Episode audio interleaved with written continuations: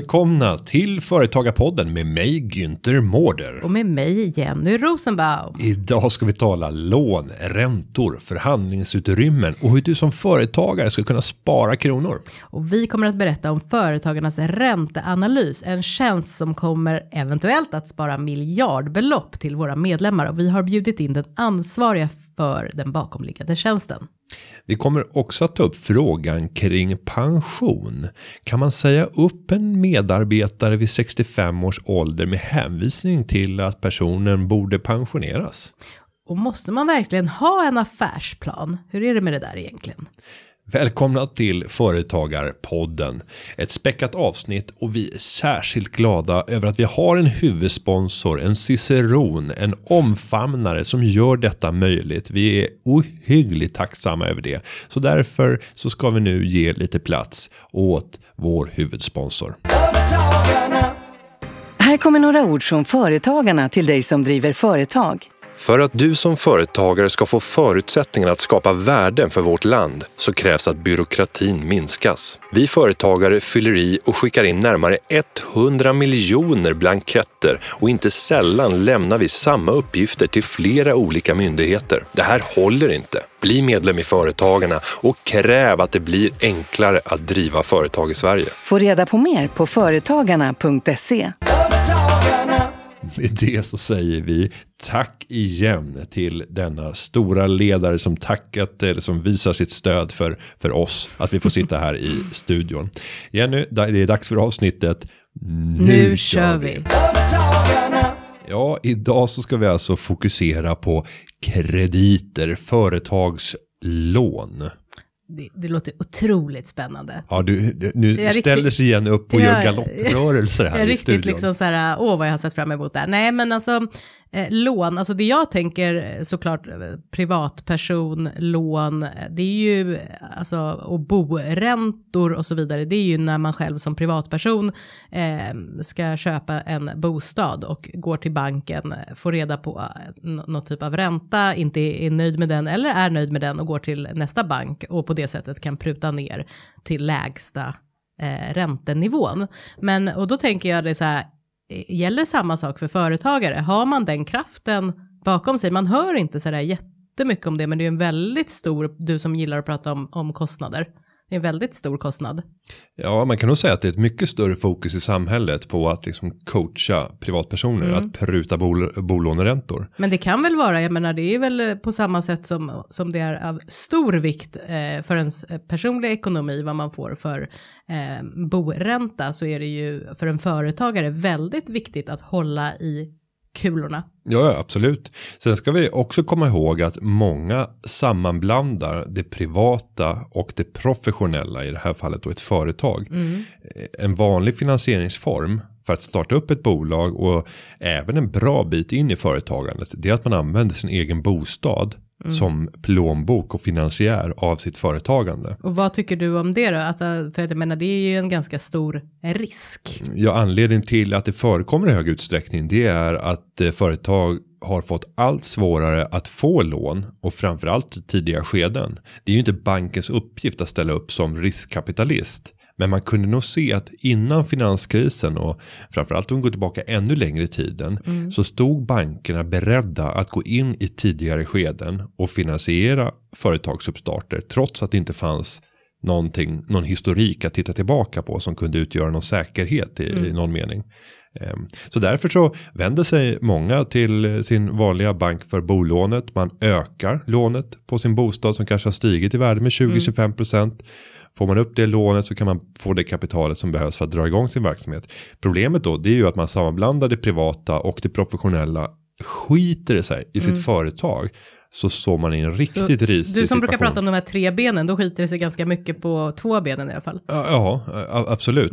Och, Men, men jag tänker alltså rent så här, det är ju transparent också, alltså det här med boräntor och privatpersoner, det är ganska lätt att få reda på eh, lägsta räntan och hur man ska gå tillväga och så vidare. Är det det för företag också? Och om det inte är det, vad vill du, tänker jag, som vd för företagarna, vad vill du göra för att underlätta detta? Om vi tittar på Vad många frågor nu. Men, ja, men om vi börjar med den första, vad är det man lånar till Mm. då egentligen? Och i ett bolån så är det mycket lättare. Mm. Om man då ska flytta in i ett radhus så ser man att i det här området så finns det 200 närmast identiska radhus. Mm. Läget skiljer lite åt och skicket lite åt men i grunden så är de väldigt lika varandra. Eh, Då gör ju banken en värdering av vad finns det för säkerheter i den här? Vad är det uppskattade Mm. värdet? Vad kan vi få om vi realiserar panten? För man pantsätter ju eh, det här. Om du köper ett hus så tar du ut pantbrev som man då lägger i bankens händer. Så de kan realisera vilket innebär att man beslagtar dem och säljer vid ett visst utfall. Om man, och, och man, man, så kan banken ha den rättigheten. Och ska man göra motsvarande när det gäller ett företag så är det betydligt svårare. För att det är svårt att hitta 200 likadana företagare Mm. som du med likadan verksamhet i samma tidsskede. Det känns skede. inte som en bra företagaridé att man hittar 200 likadana och sen så bara, jag ska bli 201. Det kommer att bli otroligt framgångsrikt. Nej men det krävs en skickligare Ja. Mm.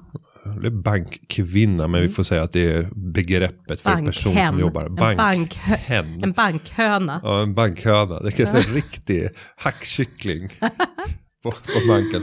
Men det krävs mer av en person Mm. som ska göra en bedömning av risk i, hos en företagare Mm. som driver ett nystartat företag än vad det krävs att värdera en bostad. Det är därför som vi har sett en liksom fullständig digitalisering när det gäller bolånekrediter. Mm. När vi ska ta ett bolån så hos de flesta bankerna så kan vi bara fylla i allting digitalt. Och sen så kan du få ut den här räntan kan du bli erbjuden. Det känns ju lite tråkigt, alltså det finns det ju även på bolån, men nu kan man kanske har en personlig bankman som man vill sitta och prata lite med, för att man tänker ju ändå att en personlig kontakt bör spela roll även i detta digitaliserande samhälle. Mm, ja, och det, Och det gör det inte tydligen. det stämmer ju inte. Nej, det är tråkigt. Ja, och eh, jag menar, om jag tittar på, på mitt senaste bolån. Mm. Jag har ju flyttat över till, till Nordnet. Det fick jag 0,79 i boränta och jag behöver inte ens förhandla. Jag behöver inte möta någon Men, människa. men du behöver inte möta en människa, men de vet ju också vad du har insatt på Nordnet. Ja men du hade också, ja du Det är hade, väl därför men, du får den ja, räntan. Det, det man kompenserar det av, det är att man säger då att vi behöver inte göra en lika djup analys, för du får bara belåna din bostad upp till 50%. Mm. Så de har en mycket större säkerhetsmarginal än andra banker. Och dessutom så ska du ha finansiella tillgångar. Eh, och i det här fallet då 5 miljoner i, i tillgångar. Eh, och Där det, fick du det sagt. ja, det vet nog lyssnarna. Vid det här laget så är... Det har, nog, det har nog inte undgått någon. Vid det här laget så vet man det. Ja. Look at this fucking smile er to er. Jättenöjd. Ja. Ja, det är bra. Ehm, Det ska du vara. Nej, men, och Man är stolt. Ja. Man är stolt över det man har skapat. Nej, så, så det är klart att då behöver man inte göra samma analys. Men jag kan ju säga att när jag har gått till vanliga storbanker för att faktiskt bara säga att det här är erbjudandet nu från Nordnet. Kan ni komma och matcha det? Men ni har exakt samma förutsättningar. Jag kan ha 50% belåning. Ni ser vilka tillgångar jag har. Så har bankerna inte kunnat göra det. Och det är för att man inte vill urholka sin affär. För att börjar man då ge Ja. det Då börjar jättemånga ha fem miljoner i, på Nordnet. Nej, men, men då kommer väldigt många Ja. Mm. som inte lever upp till villkoren försöka liksom trycka sig in och hävda att jag borde också få. Mm. Så att det gäller att försöka upprätthålla så hög prisnivå det bara går i form Mm. av höga räntor. Men kom över till att inte prata om dig utan att prata om då eh, alla våra medlemmar och, eh, Och potentiella med, ja, precis, företagskrediter. och företagskrediter. Vad kan du som vd med dina fem miljoner på Nordnet, Eh, vad, vad, kan du, vad kan du erbjuda dem? Kan du komma på någon bra lösning så att de också får väldigt bra nej, men vi har tittat på, på det här. Vad, Ja. Mm. vad kan vi som medlemsorganisation göra när det gäller så här förhandling? Kan vi låna element från bolåneförhandlingen över till företagskreditsförhandlingen? Och vi har faktiskt funnit en lösning och redan nu när det här sänds så har vi lanserat vad vi kallar företagarnas ränteanalys. Och vad är det? Ja, men målet det är att göra precis det du sa om bolånet. Mm. Du går till en bank och sen så får du ett erbjudande och då har du färdig dokumentation. där du det. kan gå till nästa bank och säga titta här vad jag har fått. De De står beredda att ta mig som kund. Eh, men ni kan väl matcha mig? Ja. Kan ni ge ett ännu bättre erbjudande? Är det du personligen som kommer göra det här? Då är, jag kommer sitta, så jag kommer avsätta hälften av min arbetstid till det här. Eh, men, men- vi, men vi gör ett digitalt gränssnitt utåt så att det ser ut som att det finns. Nej, det. vi har tagit fram eh, tillsammans med den underleverantör som kommer skapa innehållet i tjänsten som heter Fundcurve. Eh, där har vi då skapat företagarnas ränteanalys. Där gör vi en delvis automatiserad bedömning av eh, hur din kreditvärdighet ser ut som företag. Sen kommer du få fylla i ett antal parametrar själv. Och därefter så kommer den modellen att spotta ur en ränta. Där vi säger att det här är en rimlig ränta för dig att betala. Och när man gör det så kan man konstatera att Fundcurve har gjort det här på, på företag under en längre tid nu. Eh, nu ompaketerar vi den för våra medlemmar. Men de har gjort 400 sådana här skarpa körningar. Och där visar det sig att, att 78% har betalat för mycket i ränta. Såklart. Och då kan man säga så här, ja, men vad ligger det för värde i att få en ränta? Där det står så här, det här borde du betala. Jo, det är att de har förhandlat fram tillsammans med i det här fallet då Danske Bank. Att Danske står beredd att ta den här kunden till den här räntan. Så du kommer att få den räntan. Det finns faktiskt en, en bank i bakgrunden som står beredd att, att ta affären. Och då börjar det bli lite mer tryck på din ordinarie bank. Om du då visar upp det och så plötsligt så kanske då syns att du kommer att spara 1,4 procent. Eh, och någon annan kommer att ta den här kunden. Då brukar det bli lite mer fart. Så jag tror att det här kan komma att, att få många av våra medlemmar att kunna sänka sina kreditkostnader. Och det är stora belopp det handlar om ofta. Om jag går vidare och tittar i, i den här datan som vi har fått när vi har ingått det här samarbetet. Så ser vi att i snitt så har de här 400 företagen som har gjort skarpa körningar betalat 1,34 procentenheter för hög ränta. Och det innebär ju om vi översätter det till miljoner eller om vi tar miljoner i lån. Så för varje miljon i lån så är det ju 13 400 kronor per år i sänkt kostnad. Och eh, sitter du då med 10 miljoner i lån och betalar eh, 1,34 procent för mycket så är det alltså 134 000 kronor för mycket i kreditkostnad. Så det är enorma belopp. Så det här blir en, riktigt rolig tjänst att kunna lansera som jag hoppas nu kan eh, sätta press på eh, företagskrediterna och när det gäller räntorna. Och någonting som också är roligt när man ser det här, det är att det är stora regionala avvikelser. Hur tänker du alltså, nej, men prutningskulturen som företagare Jaha, skiljer sig väsentligt åt mm. mellan var, Sveriges olika Var är man bäst på att pruta? Sveriges bästa prutare ja. återfinns i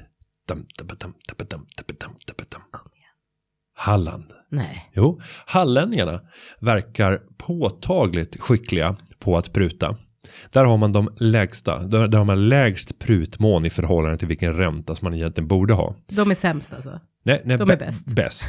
Ja. Lägst prutmån. Ja. Eh, och och eh, om jag ska försöka analysera varför ser det ut så just i Halland. Mm. Och nu är det, här är en riktig hobbyanalys. Och då får man lägga sig an med lite mer myndig röst. Mm. Så det här är ett tips till alla. När man inte vet varför, men man ska lägga fram en tes som verkar sannolik. Så jag, säga, jag ska förklara varför det är så att Mm. hallänningarna har i genomsnitt bättre räntor än övriga företagare. Det första är att Halland gränsar ju till Småland som är omvittnat kända för sin kostnadsmedvetenhet. Det här har format hallänningarna och deras mentalitet under lång tid, vilket gör att det finns en sparsamhetskultur. Men till skillnad från Småland så har Halland också haft en fantastisk tillväxt. Om vi tittar på de kommuner som finns längs kusten. De kommer som ett pärlband. Och vi ser orter som, som Halmstad i spetsen. Vi har Varberg, Falkenberg. Och, och eh, det här gör, och åker vi ner mot Laholm och Skummeslövstrand och Mellbystrand. Eh, det är väldigt fina förutsättningar i de här kommunerna. De har en relativ närhet till Göteborg, de har en relativ närhet till Malmö. Befolkningen har vuxit, företagsklimatet är gott. Så att det här gör sammantaget att de har en fin utveckling för företaget.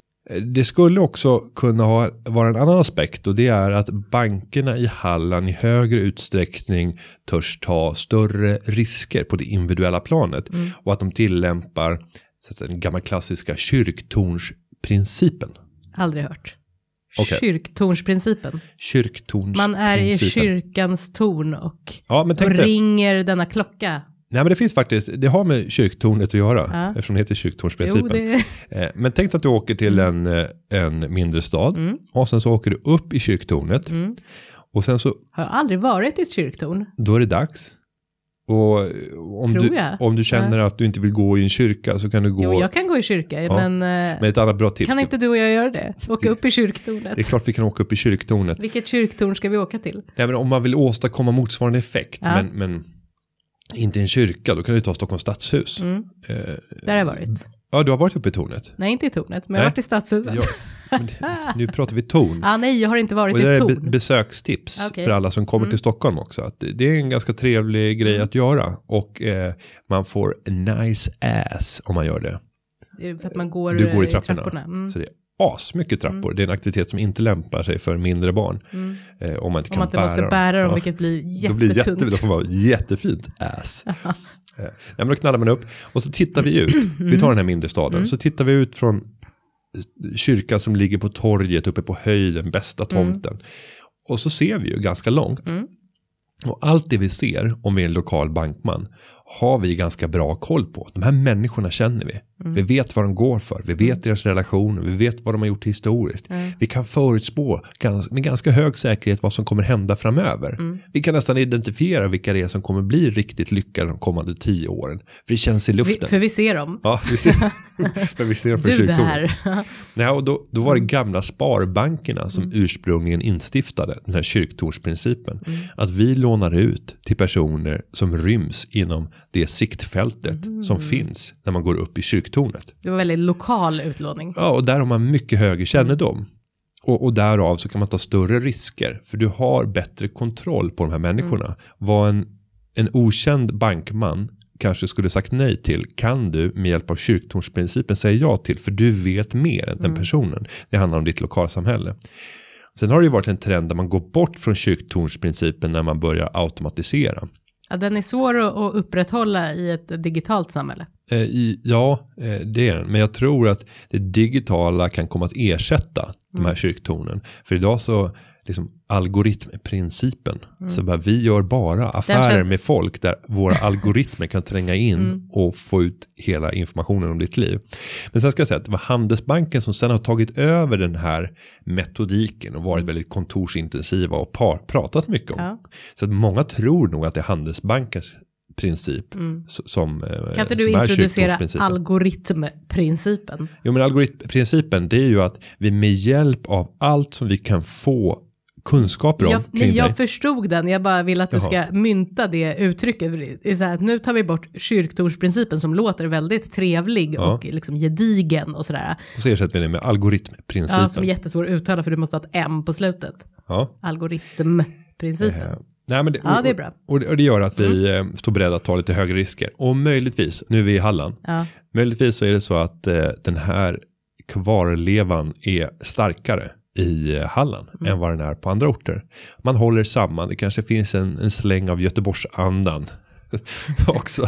Du, du, det är mycket fördomar här som sprätter här. Nej. Nej. Nej, men, och framförallt har företagsklimatet varit, varit gott. Det tror jag kan vara orsakerna till att Halland ligger väldigt bra till. De har ganska litet förhandlingsutrymme Mm. har vi sett i den här undersökningen. Och vilka ligger eh, sämst till?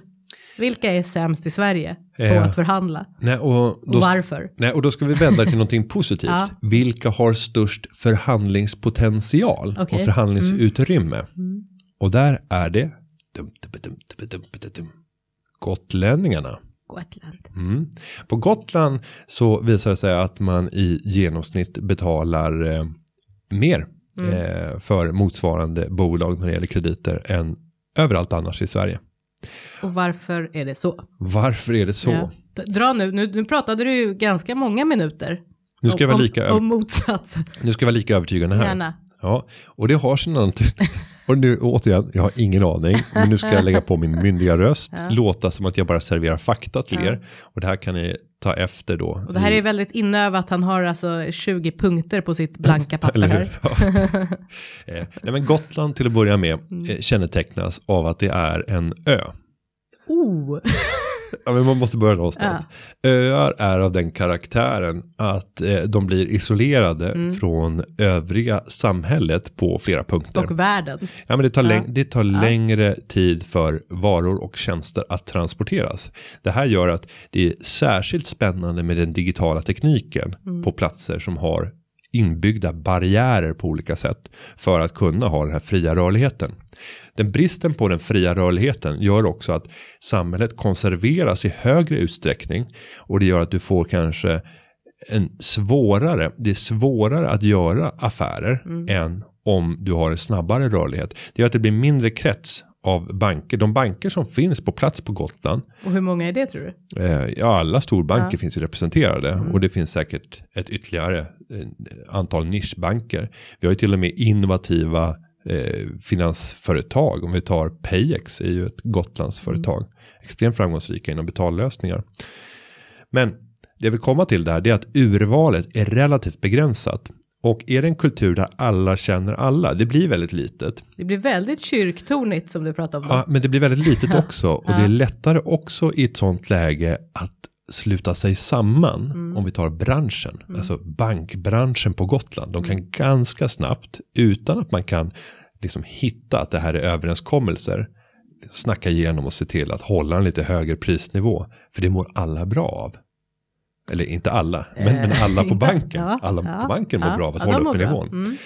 Mm. Och om man då har fyra storbanker och, och som alla håller uppe prisnivån, ligger lite högre än vad man egentligen borde göra.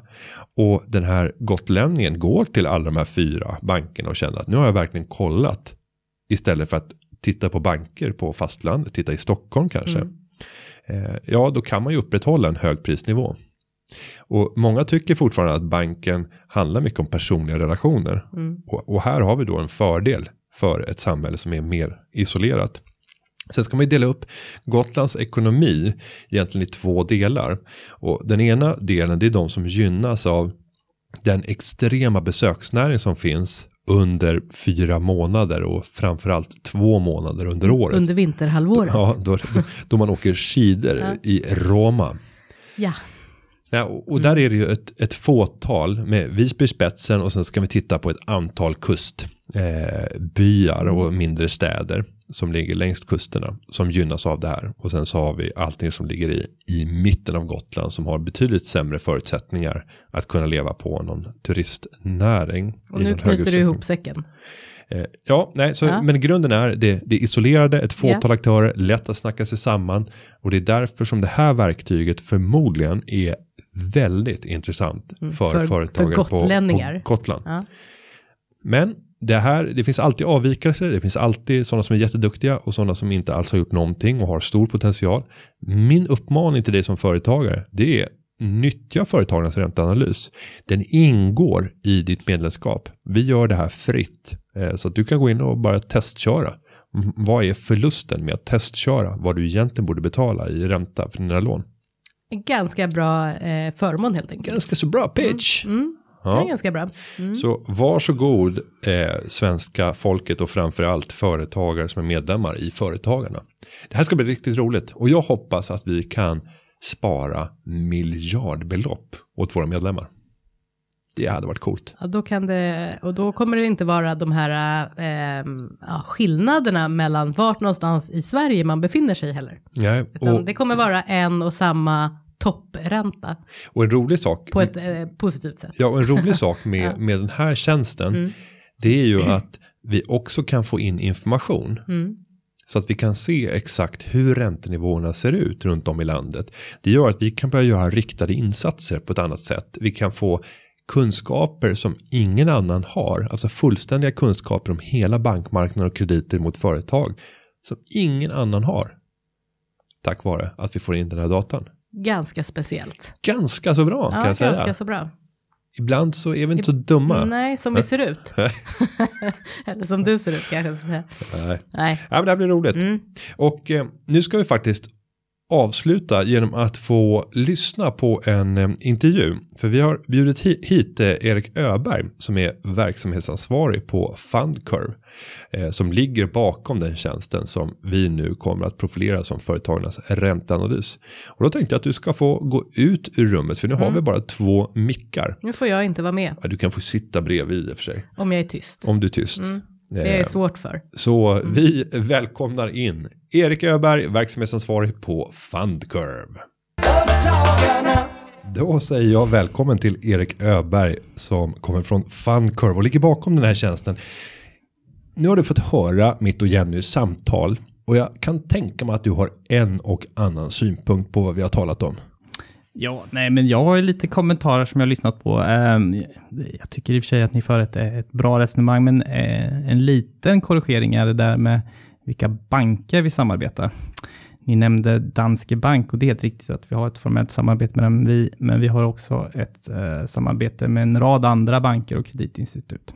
Och där kan man tänka sig att det är förändligt över tid också. Ni kan ju när som helst så där börja samarbeta med vilken bank som helst som vill ta marknadsandelar och offerera bra erbjudanden eller? Nej, precis så är det ju. Och eh, vi har ju egentligen formella eller informella kontakter med samtliga större banker och kreditinstitut.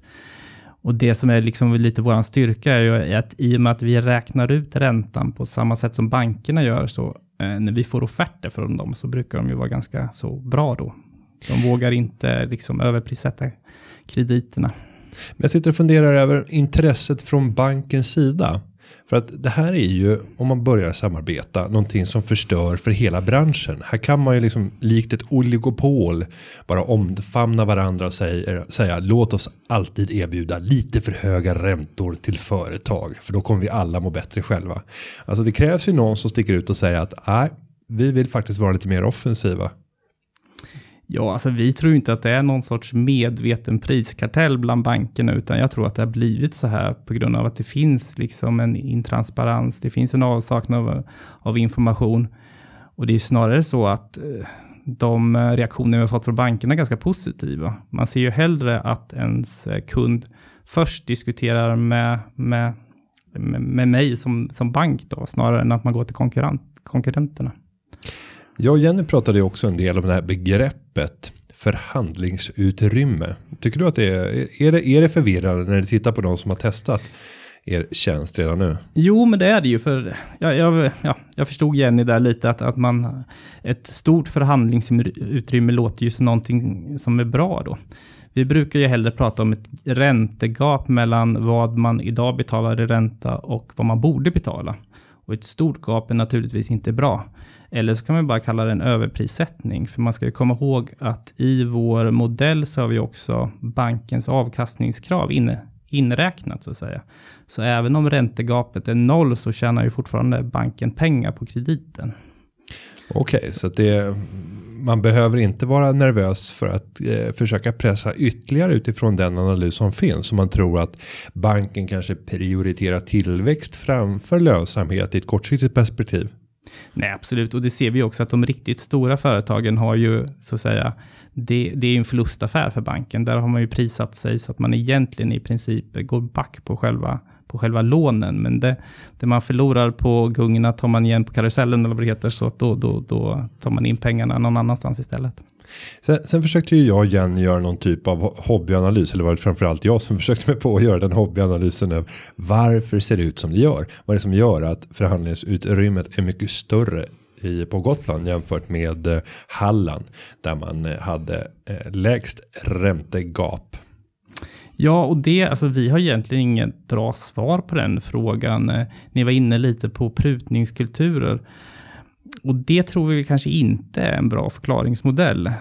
Det vi brukar konstatera när vi kollar på den här räntekartan är att det är en ganska dyster bild generellt sett. I alla landsdelar så betalar man ju för mycket då, eh, mot vad som är motiverat för, utifrån företagets förutsättningar. Ehm, men det finns grader i helvetet och ehm, stekvarmast eh, är ju på Gotland, där man betalar nästan 2% för mycket. Och eh, i Halland så blir man lite mindre rökt om man säger så då. 0,8. Och jag vet inte om ni själva har undersökt det. eh, Och, alltså hur hur mycket det här påverkar viljan att ta krediter. Eh, för det kan ju vara så att om man på Gotland betalar i genomsnitt 2 procentenheter mer än vad man egentligen borde. Så hämmar det viljan att eh, ta lån oavsett om det är checkräkning eller långsiktig kredit. Eh, men den datan kommer vi kunna ta fram på företagen för att se och kanske samköra om inte ni har gjort det redan. Nej, vi har väl inte gjort någon sån samkörning, men det är väl som all annan prissättning, att det finns en betalningsvilja och när den börjar närma sig någon smärtgräns, ja, då kanske man inte tar det där lånet. Så är det naturligtvis. Ja, för jag såg ju, jag kom ju från bankvärlden tidigare när jag jobbade på Nordnet. Då lanserade vi låneprodukter eh, där man använde aktierna som säkerhet. Mm. Och då hade vi ett lån för 0,99 procent i, i årlig ränta. Och det här, den låga räntan fick sparare som annars aldrig hade belånat sin portfölj och köpt ytterligare aktier för de lånade pengarna. De hade aldrig gjort det om det hade varit så att säga en normal ränta som då hade varit lite över deras bolåneränta. Men eftersom räntan var så låg så tyckte många att ja, men varför inte passa på att låna 10-20% på aktierna.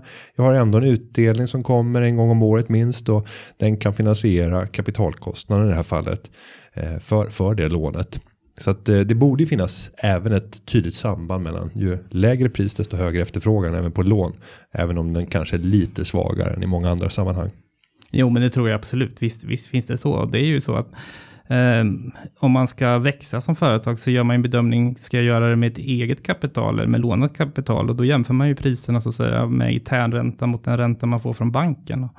Och ju billigare bankräntan blir, desto större är liksom sannolikheten att man, att man söker, och, eh, söker ett banklån. Men eh, när jag tittade på Gotland och försökte göra en analys så hävdar jag att det finns liksom en småstadskultur eh, som kommer göra att det man kanske inte ifrågasätter i samma hög utsträckning utan man, man tar vad man får. Alla känner alla. Eh, tror att det här påverkar i just Gotlands fall. Kan ni se sådana likheter med orter där många känner eh, i princip de, de flesta som är verksamma. Får det en negativ effekt på alltså, räntan? Det här är ju lite spekulation, men vi, vi brukar faktiskt prata om Gotlandssyndromet som är någon sorts landsbygdsmentalitet där vi ser att eh, i små orter och små ställen där man har nära personliga vänskapsrelationer, att det är väldigt svårt att sitta med sin personliga bankman och vara stenhård i en ränteförhandling för att sen gå ut och köra ett parti varp eller vad nu kan vara. Inga fördomar i övrigt. För säga. Nej. Så det, det, det, det, ser vi som en förklaringsmodell till att man kanske inte vågar vara lika då tuff mot sin, sin bankman på små orter. Så. Ja, och det är väl då ett sånt här verktyg kan vara intressant eftersom det blir en objektiv bedömning. Jo, och, och jag får lägga in det där, så jag tror också att, att digitaliseringen där, eh, det pratas ju ofta att det är negativt då. Eh, man, man förlorar den personliga kontakten med banken. Men på det här sättet kan det ju också vara positivt när man liksom har ett digitalt gränssnitt och behöver kanske inte vara så fullt orolig om vad ens granne eller eh, pappan i fotbollslaget som också jobbar på bank tycker, utan då kanske man kan vara tuffare. Eh, och jag tänkte nu att vi skulle backa bandet för att nu har företagarna lanserat företagarnas ränteanalys. Eh, men det är ju inte vi själva som, som är genierna bakom utan det är ju ni på Fundcurve. Och eh, vill du berätta hur kom ni på den här idén och varför startade ni det här företaget? Ja, och där kan ju tyvärr inte ta någon som helst cred överhuvudtaget, utan om vi pratar genier så är det egentligen då Tommy Fuland som är grundaren till det här företaget. Och han, den här idén växte fram i kölvattnet av finanskrisen 2008. Ehm, eh, Tom jobbar som revisor och gjorde då också och eh, helt plötsligt så ville bankerna höja räntorna. Och eh, de företag som Tom jobbar med eh, fick ofta invändning från bankerna. Vi måste göra det här på grund av Basel 2-regler och risk, nya riskvikter och sådär. Och det var väldigt svårt för en företagare att värja sig mot de här argumenten. Och företagarna vände sig då till Tommy och frågade sig, men vad är, vad är en rimlig ränta för mitt företag? Och Tommy kunde inte svara på den frågan och ingen annan som han pratade med kunde svara på den frågan. Så att det Tommy gjorde var att han började hårdstudera de här äh, reglementena som Basel 3 och Finansinspektionens papper och så att säga. Och började, började komma fram till att det här borde man kunna räkna på.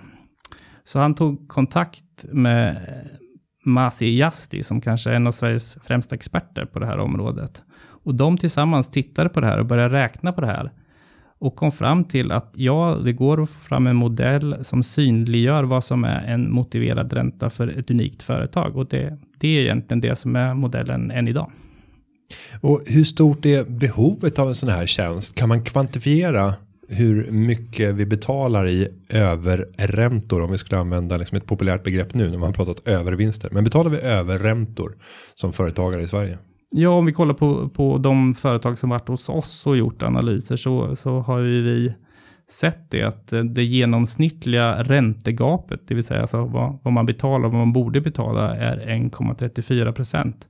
Och sätter man det i något sorts samhällsperspektiv i bedömningen att svenska banker lånar ut ungefär 600 miljarder kronor till eh, vår, eh, vår kundgrupp som är små och medelstora företag. Ja, Eh, men enkel matematik så är det ju 8 miljarder kronor per år då som de här företagen betalar i överräntor då, eller någon sorts överprissättning. Och vi tycker att de där pengarna gör mycket större nytta ute i småföretagen än att de sitter, på, eh, sitter hos bankerna så att säga. För det är där tillväxten finns och det är där jobben skapas. Men har vi inte också en utmaning med en sån här tjänst? Om, nu när företagarna går in och vi marknadsför den här brett mot våra medlemmar så finns det ju en risk att bankerna tappar då 8 miljarder i fina intäkter som trillar ner på, på sista raden. Vad händer med, med bankaktierna och vi som äger aktier i bankerna? Det här är inget roligt. Ja, det Har du tänkt kring, kring oss? ja, ja. ja, det är en bra fråga. Men det är vill ju ha inte... utdelning här i vår. Det är inte riktigt vårt fokus om man säger så, utan vi har de små och medelstora företagarna som fokus och ja, det är sällan det är synd om bankerna. Ja, men det tackar vi för. Och det, jag tycker att det är rätt. eh, Det finns en skönhet i att agera istället för att bara kritisera. När det här sänds så har eh, företagarna varit på möte eh, som Mikael Damberg har kallat till. Där man just påtalar det här problemet med att företag i allt lägre utsträckning ställer upp med krediter till företag. Det är den första frågan att överhuvudtaget ställa upp. Sen är prisfrågan nummer två. Och det här hämmar skulle jag vilja eh, hävda svensk tillväxt och det hämmar jobbskapande. Så det här behöver vi liksom en, en diskussion kring. Men om vi kan skapa den här typen av tjänster som gör att det allmänna räntetrycket kommer ner på en, en ska man säga, mer korrekt nivå. Mer pengar flyter ut till företagen som sen kan användas till att investera, kunna skapa jobb. Så kommer det vara samhällseffektivt. Så att jag, jag välkomnar ju tjänsten eh, som bara den. Det här blir ju också en, en väldigt transparens. Eh, när vi eh, liksom får in all den här datan kring de företagen som, som gör de här sökningarna. Eh, för en, och nackdelar med den här transparensen. Nej, alltså vi ser ju naturligtvis bara fördelar Det- och det är ju som egentligen vilken annan marknad som helst. Det krävs eh, korrekt information för att man som företagare eller för den delen som konsument ska kunna göra ett, eh, ett bra val. Jag brukar ta exemplet, tänk att gå in i en ICA-affär och det inte finns några priser, det finns inga prislappar. Ja, vad gör man då? Ja, då går man fram till sin ICA-handlare så frågar man honom, vad kostar en liter mjölk? Och då säger han, ja, det kostar 15 kronor. Och så frågar man, är det ett bra pris? Ja, det är ett fantastiskt pris, säger han. Kan inte få bättre. Och då har jag egentligen, utan prisinformation, har jag egentligen två val då. Antingen så kan jag lita på vad han säger, eller så tar jag bilen och så åker jag till Hemköp och till Coop och till några till och så kollar jag faktiskt vad marknadspriset är. Och nackdelen med, det, nackdelen med den varianten är att det tar tid och det kostar mig pengar. Tänk dig då istället att om jag kunde gå till min ICA-handlare och säga, men jag vet hur mycket ditt inköpspris för mjölken är. Den är 7 kronor.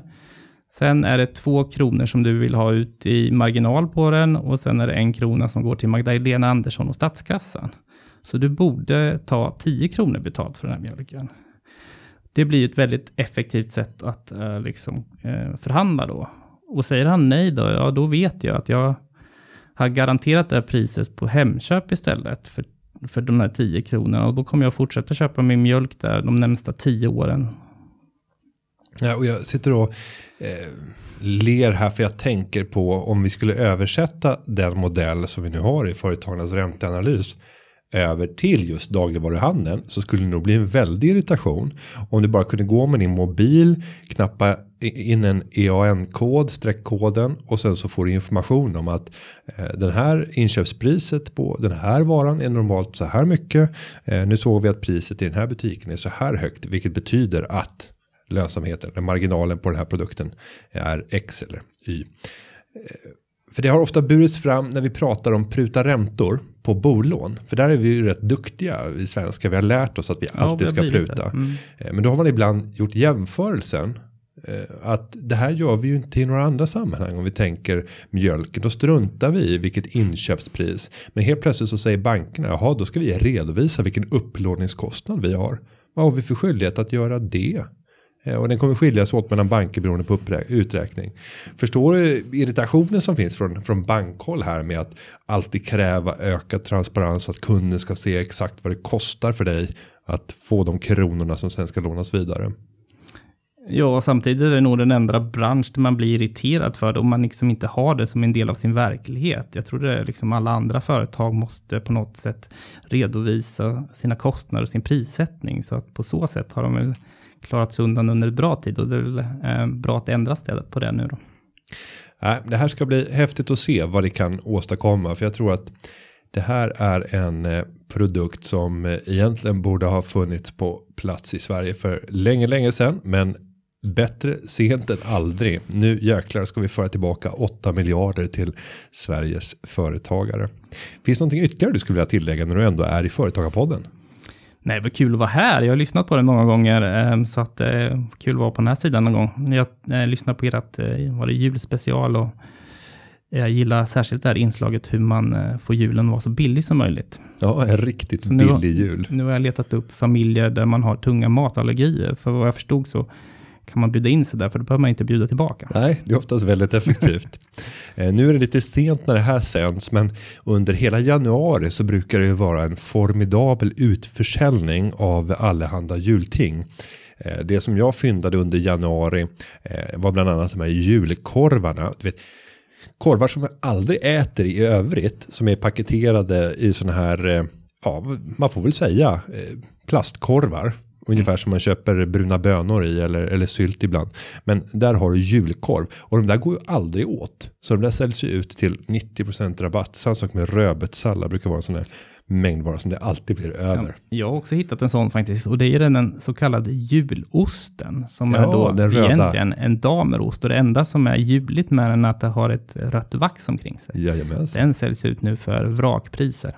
Ja, det är suveränt. Och även, även skinkan är ju perfekt för det går att göra otroligt mycket gott med skinka. Och man behöver inte tänka griljera den. Nej. Ja. Och det är ju bra att man slipper fråga ICA-handlaren vad den där osten kostar. Ja, utan det faktiskt är att, det, att det står faktiskt märkt. Ja, för då skulle vi nog bli rätt eh, eh, förvånade. Det blir stora förluster på de här. Men å andra sidan, gungor och karuseller, vi har talat om det här idag. Det är en helhetsaffär som ska gå ihop. Med det så tackar vi Erik Öberg för att du kom till Företagarpodden och jag ska be Jenny att komma åter in i studion. Tack så mycket. Tack så mycket. Och där är vi tillbaka och igen jag har kommit in i studion igen. Hallå, tack för att jag får vara med igen. Kravlat in jag eh, på sina in bara ben. Ja. Och jag ska, ska också tillägga för dagen att Ja, hon är berätta. nersölad med kaffe. Nej, hon har helt- vacker vit transparens. Transparent, Transparent. lugna dig, det är en chiffongblus och jag, Chiffongblus. Det är en transparent vit blus. alltså transparent Man ser, betyder, man ser allt. jag tänkte säga det, transparent betyder genomskinlig och du ser ingenting. Men ska jag säga, den är vit och jag tänkte när jag satte på mig den att Är, är den tjock eller är den tunn? men den är tunn men det har, Extremt tunn. ja den är väldigt tunn men jag har ju någonting under så att du ser Ja. ingenting. Du sa att det var transparent. Den är transparent. Tänker man att man ser, okej, Jag ser vad du har under. nej det gör du inte. Jo, jag ser vad du har under. Du har ett linne under. Ja, okej, du ser att jag har ett linne under, men det är inte så att man ser, det låter som att man så ser igenom allting. Men du kan ju inte se om jag till exempel har kalsonger eller inte. Det har du ingen aning Jo, för att Jo, jag, det såg jag, för du hade öppen gylf när du kom in. så du såg det fan. Alltså gud, det spårar. och Men, där brast ljudet, men eh, vi ursäkta till alla lyssnare. ja, jag skrattade lite för Det är högt. Jenny helt röd här också. Nej, och det är, det är säkert i så fall för att eh, blusen är så vit så då liksom matchar det inte så bra. Men strunt samma, det jag skulle säga med allt det här var att jag missar munnen, det är helt otroligt, det är jag och min far. Hur kan man missa munnen med kaffekoppen? Eh, och jag satte på mig en vit blus och tänkte att nu har jag inga barn som kommer spy eller typ ta med något kladdigt på mig. Eh, och så är det ju såklart, klockan är åtta på morgonen och jag har en stor kaffefläck på eh, högra sidan av denna blus. Och kan inte alla bara visualisera hur Jenny lyfter den här kaffekoppen, för den mot vad hon tror är ett ungefärligt läge på munnen och börjar hälla. Börjar hälla neråt. Nej, det Alltså var, det är, ja, du, tyckte, så du, talanglöst. ja, du blev inte ens så förvånad. Det var Nej, det som nej, var, jag jag har också spilt på den här, vi har en duk här i studion. ja, Eh, som är liksom som en filtduk som jag antar är här för att eh, ta bort lite Dämpa ljud, ljudet dämpa ljudet lite. slå med metall på bordet. Precis, den är, eh, det är vid min sida, för jag sitter alltid på samma sida, där är två enorma, eh, alltså Nersåsade bruna fläckar. också kaffe som spilldes i något sammanhang över hela bordet. När du har varit överexalterad. Mm. Ja. Ja. Men nu ska vi gå vidare Ja. och eh, ta en fråga. ja, vill du läsa? Här kommer Marie från Boden. Mm. När jag, eh, eller förlåt. När kan jag säga upp en medarbetare med hänvisning till pension?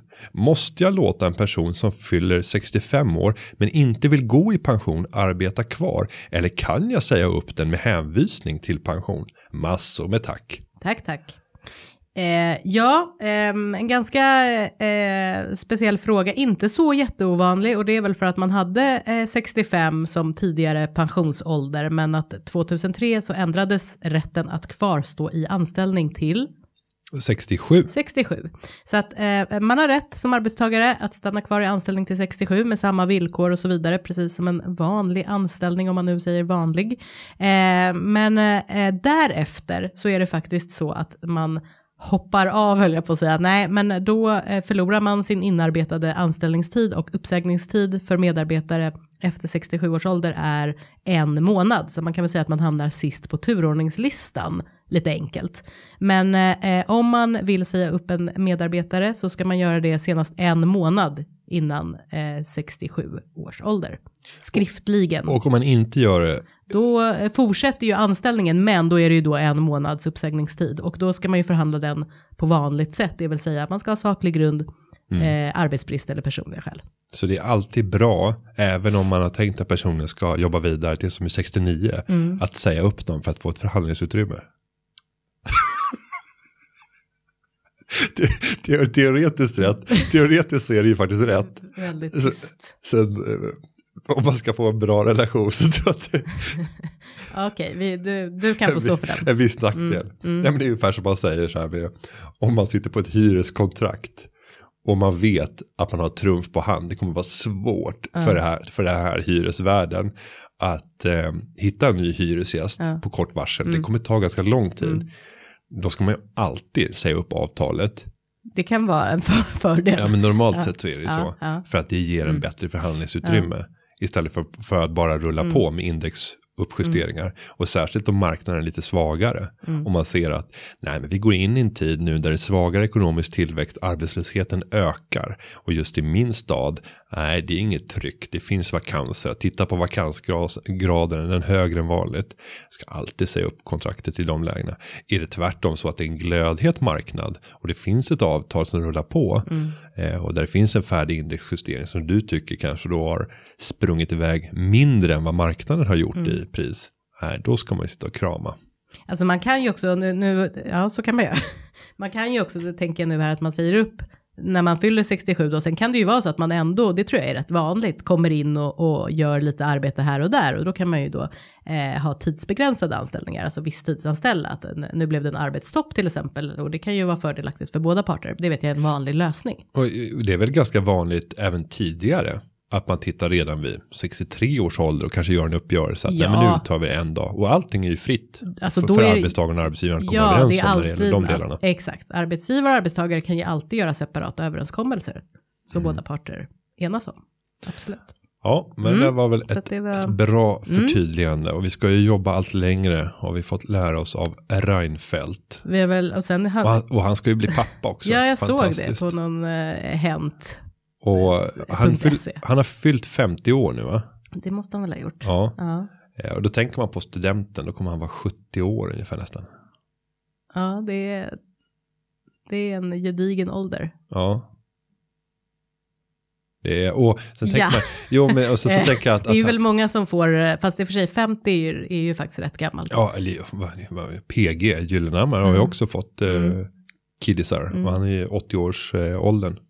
Ja, nej, många, och många som är äldre när man läser, jag har läst lite så intervjuer med folk som är just äldre och då säger de ju ofta att ja, fast nu, det finns, man pratar om nackdel då med att man är äldre, men ja, det finns ju fördel att man kan vara med barnen på ett annat sätt och liksom uppskatta det än vad, mer än vad man gjorde när man var yngre och så vidare. Men, Ja, och det kommer ju en tryggare ekonomisk situation. Jag Mm. kan ju tänka mig att, att eh, om vi tar Reinfeldt återigen då som ett exempel så, så känner han en, eh, en lugnare ekonomisk tillvaro idag än när han fick eh, sina första barn. mm, och, och han var ju rätt ung när han fick sina barn. mm. Så jag tror att eh, äldsta Gustav, om inte jag har fel, är väl 25 års åldern. Något sånt. Han skulle ju teoretiskt sett kunna få barn. Ja, det är verkligen. Eh, det hade ju kunnat vara roligt att få samtidigt. samtidigt. Det är nog inte helt, och då blir det en annan show. Då blir Kan lite vara här pappalediga samtidigt? Ricky Lake show. Ja, nej, nej, det var Nej, men grattis. Grattis jag vet inte varför du började prata om det, men jag tänkte att jag hoppar, jag hoppar till en annan eh, fråga. Ja, varsågod. Mm. Vi har Alex från Helsingborg eh, som skriver Hej Företagarpodden, jag är supertaggad på att starta ett bolag men blev lite matt när jag tänkte på att jag måste göra en affärsplan. Måste man verkligen göra det? Och om man inte måste det, finns det några delar ni tycker att det är bra att göra det ändå? Eh, tacksam för svar. Eh, jag tänker att det här, den här frågan, den, den får du svara på. Den överräcker du med Den- varm ja, den, hand. Den överräcker jag. Alltså det känns ju rent spontant ganska bra att ha en affärsplan av något slag. Enligt svensk lag Ja. så ska du ha tagit fram en affärsplan Då känns ju det innan bra. du startar ett företag. Då tycker jag att Nej. det känns bra. Nej men självklart, så- du, du kan strunta i allt vad affärsplan heter. Du kan bara köra i vind, bygg det på känsla. Det är kanske är ingenting jag skulle rekommendera. Men sen när man Men tänker. någon typ av affärsplan. jag tror att utmaningen i det här fallet för Alex, Mm. det kanske är att han har gått ut, han har fått höra att det är jätteviktigt med affärsplan, han har googlat affärsplan Mm. och sen så har han fått fram någon så här extremt omfattande affärsplan och så blir han helt häpen Mm. av hur mycket jobb det verkar vara. Alltså allting grundar sig i att du har någonting som någon annan vill köpa. Och det kan man ju testa. Det är den grundläggande delen i affärsplan. Att undersöka marknaden. Se eh, hur du kan fylla ett tomrum på den här marknaden. Eller förändra den här marknaden med din produkt eller tjänst. Och det kan du göra genom att istället bara gå ut, träffa potentiella kunder, lyssna till dem, gör justeringar i ditt erbjudande. Det kanske till och med är så att du skriver ett avtal med en kund till och med innan du startar företaget. Och då Mm. Ja, det får, brukar då du- får man, ja, men då får man ju Mm, vara lite mm. snillrik. Eh, och, och, För att se om det funkar. Så du, ja. nej, men, och då kan man ju bara säga att eh, vi, gör, vi skriver en avsiktsförklaring. Mm. Vad vi tänker göra sinsemellan, vad jag tänker hjälpa er med. Sen ska jag återkomma för jag ska starta ett nytt bolag för den här delen av verksamheten. Mm. Så det kommer vara ett nystartat bolag. Så att det bara låter som att ja, det blir ytterligare ett sjunde bolag här som jag ska starta upp. Så det är därför jag vill inte blanda ihop de här Så får man businesserna. inte säga som jag ska starta upp, man måste alltid säga som vi ska starta upp. Ja, så att det låter vi. som att man är enorma. Ja, jag ska tillbaka och höra. Eh, för att jag, jag har fått rådet i, det här, i den här delen att vi ska starta upp ett nytt verksamhetsområde. Så bara, nej, du ska för första gången ta dina stapplande steg som företagare. Men strunt samma. Jättebra. Gör alltid en bild av att det, det, du är lite större, du är lite mer förberedd, du har kommit lite längre än vad du om du själva inte har. vet hur man gör det, då skulle jag föreslå att eh, det finns många poddar med Günther Mårder som du kan lyssna på för att få lite inspiration. Ja, ja, absolut. De, nätet svämmar över av dem. Nej, men grunden är ju affären, att du ska kunna sälja och det finns olika sätt att undersöka det här. En affärsplan är ju ett sätt att på liksom en, ett organiserat sätt till dokumentform teckna ner marknadspotentialen, titta på riskerna, hur ser konkurrenterna ut, prisbilden. Hur Men jag förstår, jag förstår frågan, alltså för det kan vara så här att, eh, tänker jag nu högt här, men, men eh, att bara man hör ordet affärsplan så är det så här, åh nej, nu måste jag göra massor, jag har en idé här, men nu måste jag göra någonting, det här som du och jag brukar prata om, att men jag är jurist och du är ekonom och man kan svänga sig med jättesvåra termer och avskräcka ganska många människor, eller liksom göra det mer komplicerat än vad det faktiskt är. Kanske inte är så att en affärsplan måste vara det mest komplicerade dokumentet som man har skapat, utan man kanske, som du säger, kan göra något mera eh, inte lättare, men göra det på ett förenklat sätt för att sen komma igång och göra någonting mer utvecklande. Ja, och jag skulle säga så här att om du inte har några erfarenheter av den bransch som du ska kasta dig in i. då kanske det är särskilt viktigt att du faktiskt jobbar med en affärsplan för att du på så sätt ska utmana dig själv och kanske ditt bristande kunnande till Precis. följd av att lägre erfarenhet från branschen. Nej, men jag tänker man inte bara ta en mall, alltså det måste ju finnas mallar för affärsplaner såklart och sen så går man in och så Jo, men börjar det blir man inte någonstans. bättre än vad du fyller i oavsett om det är en mall eller Nej, inte. såklart, men jag bara tänker att hela tanken med en affärsplan får den här Alex att känna sig matt. Ja, och jag kan ju säga i det bolaget som, som jag startade upp tillsammans med, med två stycken andra som har drivit det operativt utbildningsföretaget så har det ju gått fantastiskt. Men det har ju att göra med att vi behövde inte göra någon affärsplan. För här hade vi två personer som var djupt engagerade i den bransch som de skulle ge sig in. Eh, så att de kunde den utan och innan. Då kunde vi bara över liksom fikor sitta och diskutera. Okej, hur ska vi bygga upp det? Vilket kapitalbehov föreligger? De enda kraven som vi stötte på när det gällde affärsplan. Det var i relation till banken. Där vill ju de se en mer Ja, det kan väl vara metodisk uppställning. Det kan väl vara då, då att precis ett skäl varför man ska ha en affärsplan. Och ett annat kan vara när du ska träffa, här, om du vill ha finansiering Mm. via Almi. Eh, de kommer de ställa krav på affärsplan. Så alla yttre Mm. intressenter kommer att vilja ha det. Om man kommer att behöva ta risk i relationen till, i relation eh, med er. Mm. Eh, Så att det beror på. Ju mer säker du är på branschen och ju mer kapital du själv har och ju mindre beroende du är av andra. Desto mindre behöver du lägga på affärsplanen. För att i, i, istället så finns då affärsplanen i ryggraden hos den här personen. Den är osynlig men den finns med alla dina erfarenheter, dina kunskaper. Så att det där blir en vattendelare. Eh, för de som inte har gjort det här tidigare, som inte varit inne på branschen, är min varmaste rekommendation. Lägg mycket tid på analysfasen, lägg mycket tid på att vara ute och träffa kunder. För att bara se, är det här erbjudandet rätt? Strunta i att trycka upp visitkort och hålla på och slipa på logotypen och ha ett coolt på namnet. företagsnamn. Ja. Ja, men det, det där ger sig om du ser att det finns en marknad. Då ska du börja lägga tid på det där när du har sett att försäljningen har kommit igång. Men inte dessförinnan. Kloka ord. En bra Ja, sammanfattning. det var bra avslut. Jag ska inte ge mig själv beröm. Det, det gör du ju så ofta. Så med det där så, så tycker jag att det börjar bli dags att knyta ihop eh, säcken. Och man kan ju vara med och forma företagarpodden. Man kan forma säcken och det gör man via hashtaggen Företagarpodden. Kan skicka in frågor, Instagram eller Twitter eller så kan man gå in på eh, våran sida för företagarpodden.se där det finns ett formulär där man kan eh, forma sin egen fråga under olika kategorier om man så vill. Och vi vill gärna att ni skickar, det är ni som gör innehållet, så skicka frågor.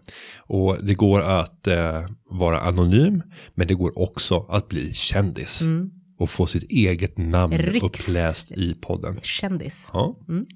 Så med det Jenny så säger vi eh, tack för den här veckan och att den här podcasten har klippts av Kim Linkrus.